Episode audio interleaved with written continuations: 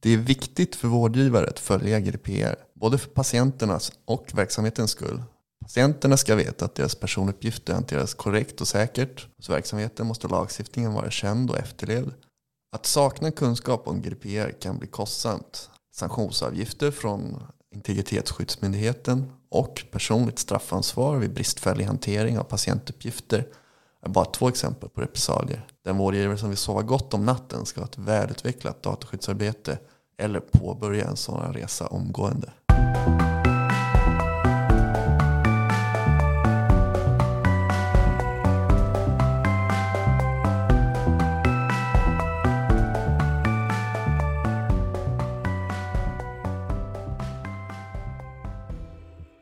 Nu är det äntligen dags för avsnitt 8 av Medicinrättspodden. Idag ska vi prata om ett ämne som har varit väldigt efterfrågat, nämligen dataskydd i vården. Många kanske har hört talas om GDPR, eller dataskyddsförordningen som det kallas på svenska. Men även om man har det så är det inte helt ovanligt att man tycker att det är svårt. Speciellt inom vården. Men dataskydd behöver faktiskt inte vara krångligt. Vi vill försöka ge en bild av vad regler om dataskydd innebär för hälso och sjukvården. Till vår hjälp så har vi bjudit in juristen Christian Benson. Han är vår kollega och har tidigare erfarenhet från bland annat IVO, Inspektionen för vård och omsorg. Välkommen till Medicinrättspodden Christian. Tack så mycket. Roligt att du kommer medverka i dagens avsnitt. Och vi kör igång med några grundläggande frågor till dig. Vad är GDPR? GDPR är det europeiska dataskyddsdirektivet som innehåller bestämmelser om hur man får behandla personuppgifter. Det finns både mer eller mindre specifika krav på den som behandlar personuppgifter men också en del allmänna principer för hur personuppgifter får behandlas. Och vad är en personuppgift? En personuppgift är något som går att knyta till en enskild eh, person. Och eh, ja, Det kan vara lite vad som helst så länge att just finns den möjligheten att knyta det till en enskild person. Så att, ja, om du tänker till exempel en adress skulle kunna vara en personuppgift men det behöver inte vara det. Och vad är personuppgiftsbehandling? Personuppgiftsbehandling är i princip allt du kan göra med en personuppgift. Förvara den, läsa den, skicka den, ta bort den. Varför är det så viktigt med just dataskydd inom vården? Dataskydd inom vården är väldigt viktigt för att eh, vården behandlar en stor mängd känsliga personuppgifter. Och eh, det är också viktigt för eh, Dels finns det strikta lagkrav på att eh, behandla de här uppgifterna säkert och med tystnadsplikt och sekretess. Men eh, sen är det också viktigt för patienternas förtroende att kunna känna att deras personuppgifter behandlas på ett bra sätt när de söker vård. Vad är en känslig personuppgift? Jag kan ju tolka frågan på två olika sätt. Det kan ju dels rent personligt vara det du tycker är känsligt som handlar om dig och som du inte vill att andra ska känna till. Men sen finns det också klassificerat i GDPR vissa kategorier av känsliga personuppgifter. Det är till exempel som vi pratade om tidigare i hälso och sjukvården, alltså uppgifter om, som rör din hälsa. Men också uppgifter om ras eller politiska åsikter, religiösa, eh, genetiska eller biometriska uppgifter som ja, är sådana exempel på särskilt känsliga personuppgifter enligt GDPR. Vad är viktigast att känna till om dataskydd för enskilda individer? För enskilda individer som, ja, om vi tänker till exempel vårdpersonal och alla egentligen som jobbar i en organisation som behandlar mycket personuppgifter så skulle nog jag säga att eh, det viktigaste att känna till är organisationens egna eh, rutiner kring dataskydd. Och veta också vilka funktioner som finns och vem du ska kontakta med frågor och liknande. GDPR innehåller som sagt en del ganska stora, omfattande principer för hur du ska behandla personuppgifter. Så att det kan också vara viktigt att känna till just hur eh, det här tolkas och omsätts i verkligt arbete i din organisation. Och för att få reda på det så måste du antagligen gå till organisationens egna interna riktlinjer snarare än direkt till GDPR. Vad gör ett dataskyddsombud?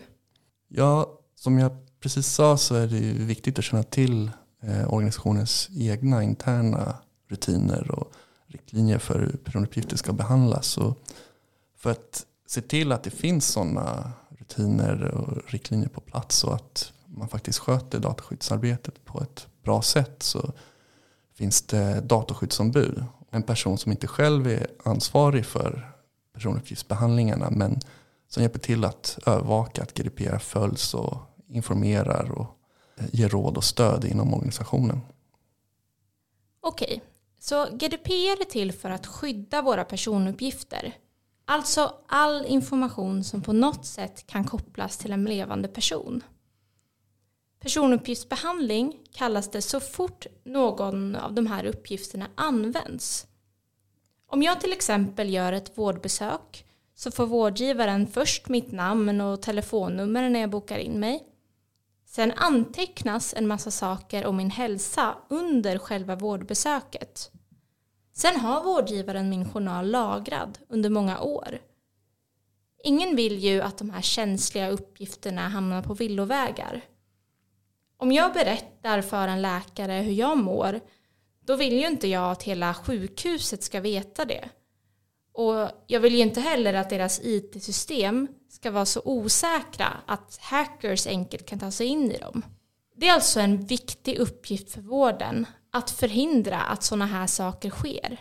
Vårdgivare måste skydda min data, alltså arbeta med dataskydd. Och dataskyddsombud hjälper vårdgivare att göra det här. Så kan man väl sammanfatta det. Som både Christian och Alva har nämnt så är det otroligt viktigt att skydda data inom vården. I början av januari rapporterade IT-säkerhetsföretaget Checkpoint att mängden cyberattacker mot sjukvården globalt hade ökat 45 procent sedan början av november året innan. Det här gör att sjukvården är en av de värst drabbade sektorerna. Under samma tid ökade antalet attacker mot den svenska sjukvården med 32 procent. I Europa har dessa hackerattacker lett till bland annat inställda operationer, försenade covid-tester och omdirigering av akutpatienter. En eh, cyberattack mot universitetssjukhuset i Düsseldorf ledde till att sjukhuset tappade kontakten med sina ambulanser och servrarna blev krypterade. Detta gjorde så att en patient som behövde omedelbar vård kördes till ett sjukhus som låg en timme bort och patienten avled. I Finland istället fick hackers åtkomst till över 40 000 journaler från ett psykoterapicenter och började publicera journalerna på Darknet. Hacken krävde sedan lösesumma på över 400 000 euro av både psykoterapicentret och enskilda patienter för att sluta publicera journalerna. Liknande händelser har tyvärr kommit att bli en vardag för sjukvården som kommunikatör och redaktör tycker jag att det är väldigt intressant att se olika fenomen och trender. Och du Christian har ju en väldigt bra insyn och är uppdaterad om vilka frågor som är på tapeten rörande just dataskydd. Skulle inte du kunna göra så att du sammanfattar några av de hetaste trenderna just nu? Jo, men det kan jag göra. Jag kan börja med att knyta an lite till det du pratade om alldeles nyss rörande IT-angrepp och Eh, hälso och sjukvårdens utsatthet. Jag gick själv igenom IMIs rapport om personuppgiftsincidenter under 2021 och eh, ja, kan ju börja med att förklara för den som inte vet att personuppgiftsincident är alltså någon typ av säkerhetsincident som leder till en ja, oavsiktlig förstöring, förlust eller ändring av en personuppgift. Alltså till, till exempel att eh, någon obehörig får åtkomst till personuppgifter som de egentligen inte ska ha åtkomst till. Eh, och inträffar en sån incident i inom din verksamhet så har verksamheten också en skyldighet att anmäla detta till Integritetsskyddsmyndigheten. Så eh, när IMI då sammanfattade vad de sett i form av olika personuppgiftsincidenter under 2021 så konstaterar man att den här typen av eh, angrepp utifrån från hackers eller liknande minskar inom de flesta sektioner men, eh, men den ökar inom hälso och sjukvården. Det handlar ju både om den här typen av kryptering av system och utpressning men det är också samhällsviktig verksamhet, hälso och sjukvården. Och nu med större osäkerhet kring det europeiska säkerhetsläget till exempel så eh, finns det också ja, ökad anledning till att tro att hälso och sjukvården kan bli utsatt i form av ja, stresstest och liknande från främmande makt. Något som har varit eh, aktuellt på sistone är olika beslut från olika dataskyddsmyndigheter i Europa är eh, rätten till information för de registrerade, alltså de personer vars personuppgifter som behandlas. Nu senast i Sverige så fick Klarna ganska dryga böter för att IME ansåg att de inte hade gett tillräckligt bra information till sina kunder när det gällde hur deras personuppgifter behandlas. Det här är också något för hälso och sjukvården att tänka på. Jag har lett kritik tidigare då att vårdgivare inte har gett tillräckligt bra information till personer som, eller patienter då i det här fallet som försökt hitta information om sina personuppgifter och var de lagras och vilka rättigheter som, som patienten har. Eh, det handlar bland annat om eh, sjukvårdsupplysningen 1177 där man inte har informerat om var den som svarar och tar emot ditt samtal har registrerat och sparat dina personuppgifter. Det här är ju något för vårdgivare att tänka mer på framöver tror jag. Att ha tydliga integritetspolicies och annat som beskriver på ett klart och tydligt sätt för patienterna hur deras personuppgifter behandlas och också vilka rättigheter patienterna har. Sen är det ju såklart eh, alltid aktuellt inom just hälso och sjukvården med den här omfattande behandlingen av känsliga uppgifter att eh, fundera kring hur man hanterar de här uppgifterna. Det är också något som IMI flera gånger har bestämt sig för att granska särskilt noggrant. Nu senast så fick Region Uppsala ganska omfattande sanktioner för att de hade skickat patientuppgifter via e-post. Både internt och externt. Och då inte heller valt en tillräckligt säker eh, form av e-postkommunikation som är krypterad eller liknande utan skickat eh, ganska standard e-postklienter i synnerhet på personuppgiftsbehandlingar som avser eh, känsliga personuppgifter. Det här gäller inte bara hur du skickar personuppgifter eller vilka program ni använder för journalföring eller kommunikation utan det handlar ju också om era interna riktlinjer för vem som får tillgång till vilka uppgifter och hur. Det är ju också något som IMI har eh, tid, tidigare tillsyner anmärkt på att vårdgivare måste göra bättre analyser av vilka som har ett behov av att se patientuppgifter och också styra behörigheterna utifrån det. Okej, så vi har då fått höra om tre trender.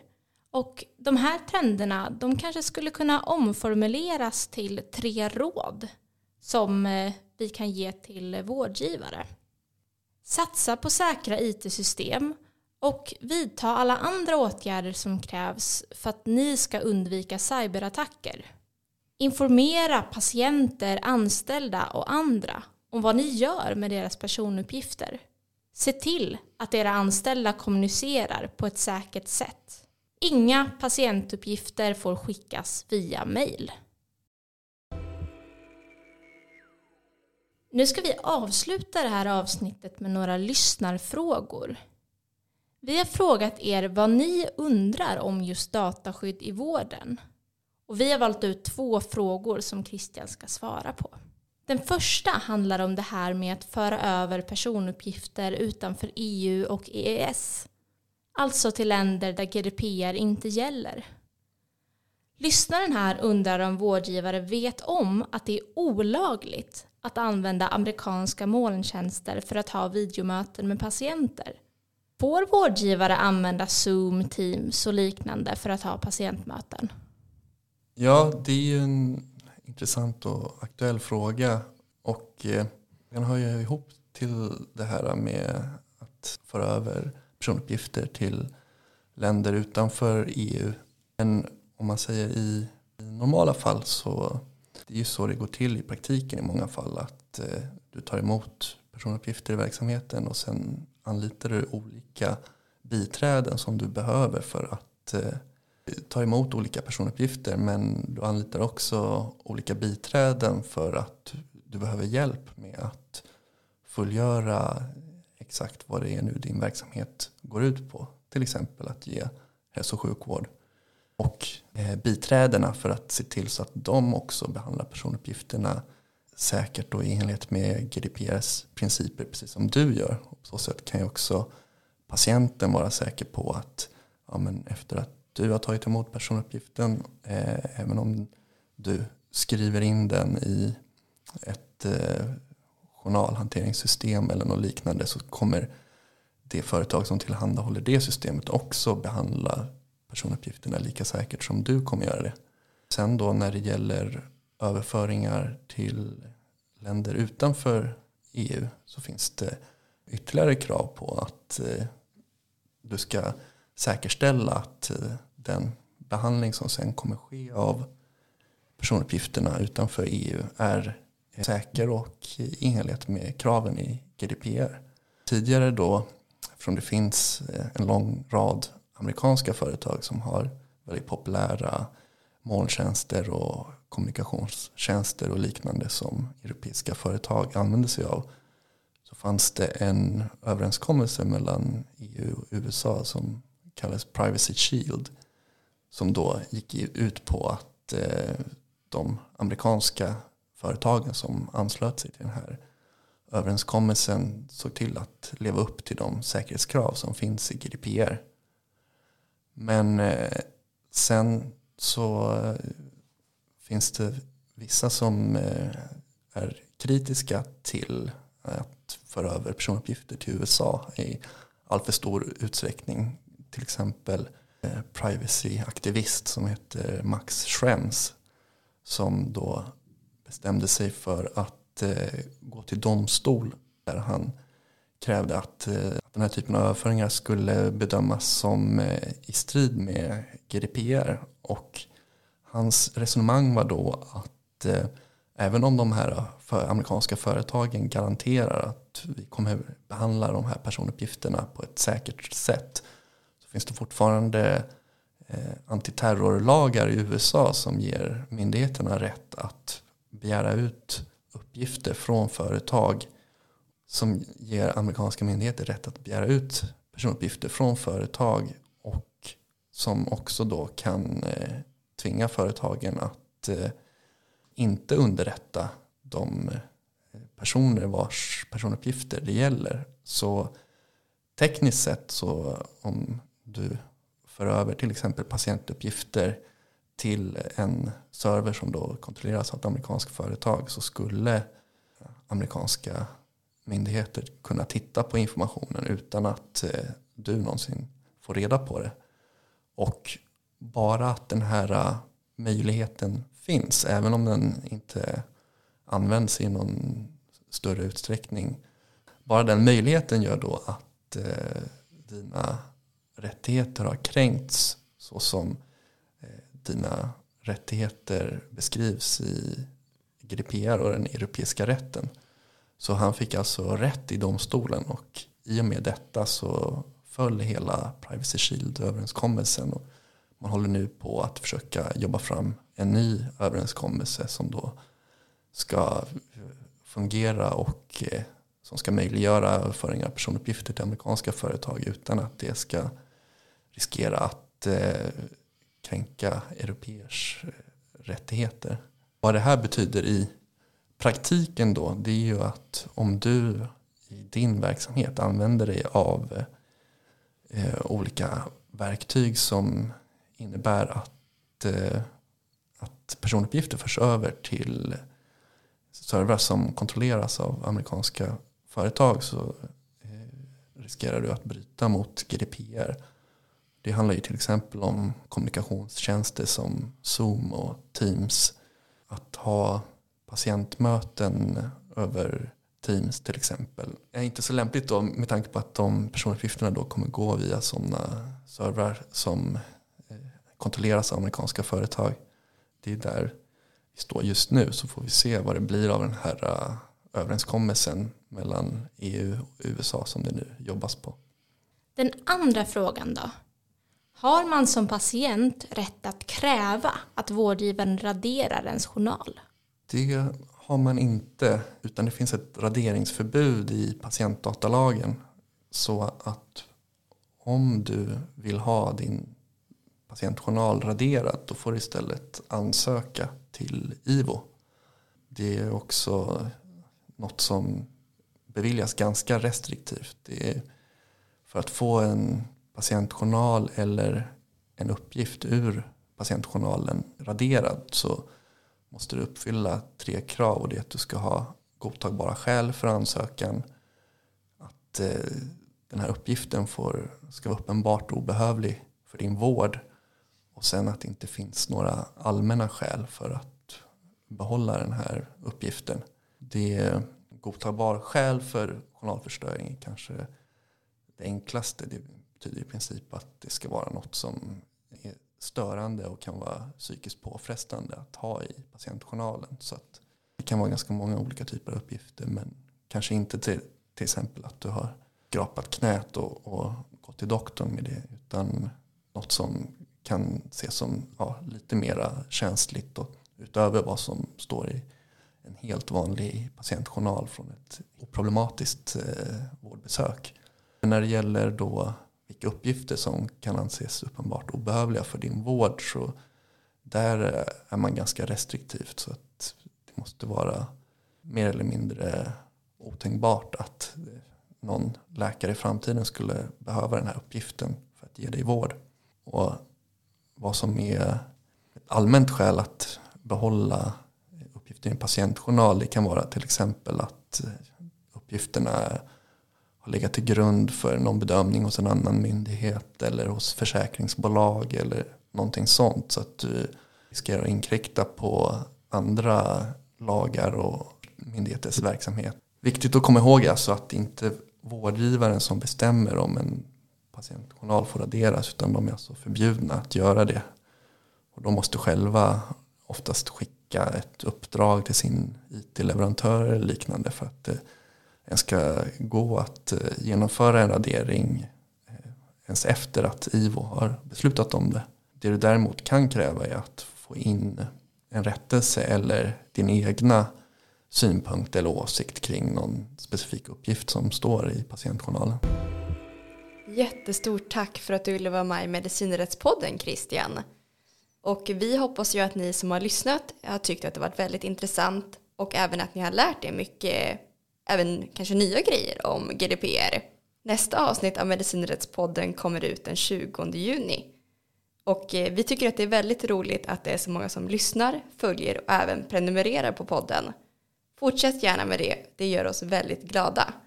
I sommar kommer vi även släppa några specialavsnitt av podden. Och vi skulle därför vilja få in frågor från dig som arbetar inom vården. Vilka juridiska frågor vill du få svar på? Maila din fråga till oss på podd imrab.se.